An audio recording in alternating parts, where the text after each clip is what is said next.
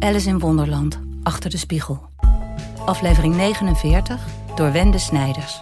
De witte ridder die met Alice door het bos trekt, zingt een lied voor haar. Alice stond heel aandachtig te luisteren, maar er kwamen geen tranen in haar ogen. Ik vertel u alles wat ik kan, zei het in kort bestek. Ik zag een oude, oude man gezeten op een hek. Wie zijt gij, oude man, zeg op van waar dat gij nog leeft? Zijn antwoord gleed mij door de kop als water dat men zeeft. Hij zei, ik zoek een kiewits-ei, maar in zeer goede staat. Daarvan maak ik een vispastei, die verkoop ik op straat. Voor mij, goddank, geen hongersnood, ik ben nogal geliefd. En zo verdien ik dus mijn brood een aalmoes, alstublieft. Het plan waarop ik broedde, verf groen die bakkenbaard, een waaier zal verhoeden dat men er steeds naar staart. Dus was zijn vraag zo even mij nagenoeg ontgaan. Vertel mij, riep ik, van uw leven, of moet ik u gaan slaan? De oude stak gezwind van wal. Hij zei, uh, ik loop door het land, een bergbeek vindt men overal, die steek ik dus in brand. En daarvan maken ze dat spul waarvan het haar versterkt. Een tientje kost die flauwekul, daar heb ik voor gewerkt. Ik dacht echter aan een dieet, bestaande uit beslag, zodat men steeds hetzelfde eet en groeit van dag tot dag. Ik heb hem een pak slagen gegeven tot hij goed was door bloed. Vertel toch, riep ik, van uw leven. Wat u zo al doet. Hij zei: Ik speur naar schelvisoog, al op de grote hei, en ik verwerk tot een bordenknoop. Zo verdien ik bij.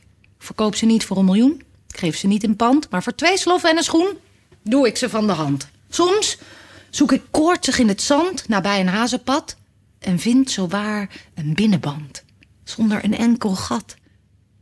Ik knoop de eindjes aan elkaar. Op u is het dat ik toost. Haal ik het einde van dit jaar op uw gezondheid. Proost! Ik hoorde hem. Maar wat er moest gebeuren, zei mijn brein.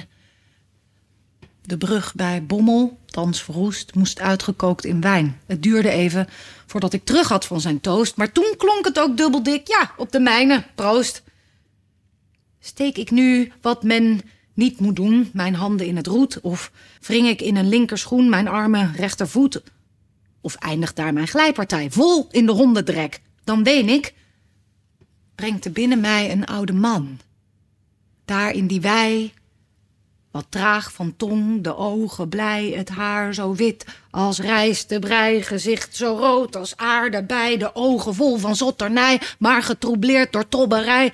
Hij schommelde wat over zij en zuchtte mompelend daarbij de lippen niet geheel vetvrij en snurkte als een zagerij de zomeravond lang voorbij gezeten op een hek. Terwijl de ridder de laatste woorden van de ballade zong, nam hij de teugels op en wendde zijn paard in de richting van de weg die zij gekomen waren. Je hoeft maar een paar meter af te leggen, zei hij. De heuvel af en dat beekje over en dan word je koningin. Maar blijf je even om me uit te zwaaien? voegde hij toe, toen Alice zich met een gretige blik de kant op wendde die hij gewezen had. Ik ben er zo. Je, je moet wachten en met je zakdoek wuiven en wanneer ik bij die bocht in de weg ben. Ik denk dat het me een hart onder de riem zal steken, snap je? Natuurlijk wacht ik, zei Alice. En wel bedankt dat u zover bent meegegaan. En, en voor het lied. Ik vond het heel mooi. Dat hoop ik, zei de ridder weifelend. Maar je huilde niet zo erg als ik verwacht had.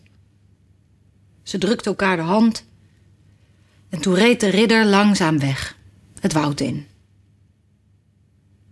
Hij zal zo meteen wel weer uit het zadel zwaaien, denk ik zo, zei Alice bij zichzelf terwijl ze hem nakeek. Oh, daar gaat hij.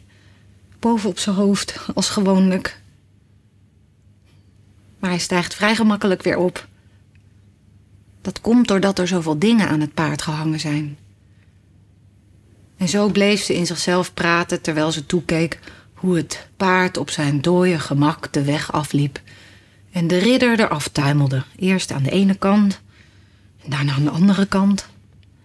Na de vierde of vijfde tuimelpartij bereikte hij de bocht. En toen wuifde ze naar hem met haar zakdoek. En wachtte ze. Tot hij uit het zicht was. Ik hoop dat het hem een hart onder de riem gestoken heeft, zei ze. Terwijl ze zich omkeerde om de heuvel af te rennen. En nu naar de laatste beek en koningin worden. Wat klinkt dat grandioos. Slechts een paar stappen brachten haar bij de boord van de beek. Het achtste veld.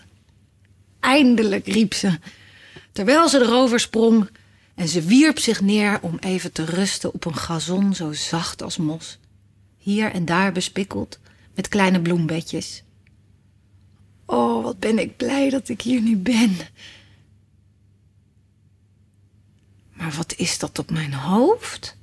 riep ze luidkeels op ontzette toon, terwijl ze haar handen omhoog bracht naar iets heel zwaars, dat overal heel precies om haar hoofd paste. Maar hoe kan dat daar gekomen zijn, zonder dat ik het zelf weet?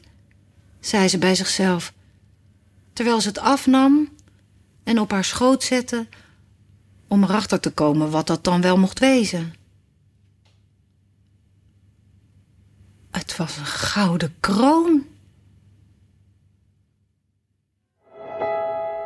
De volgende aflevering wordt gelezen door Celia Nuvaar.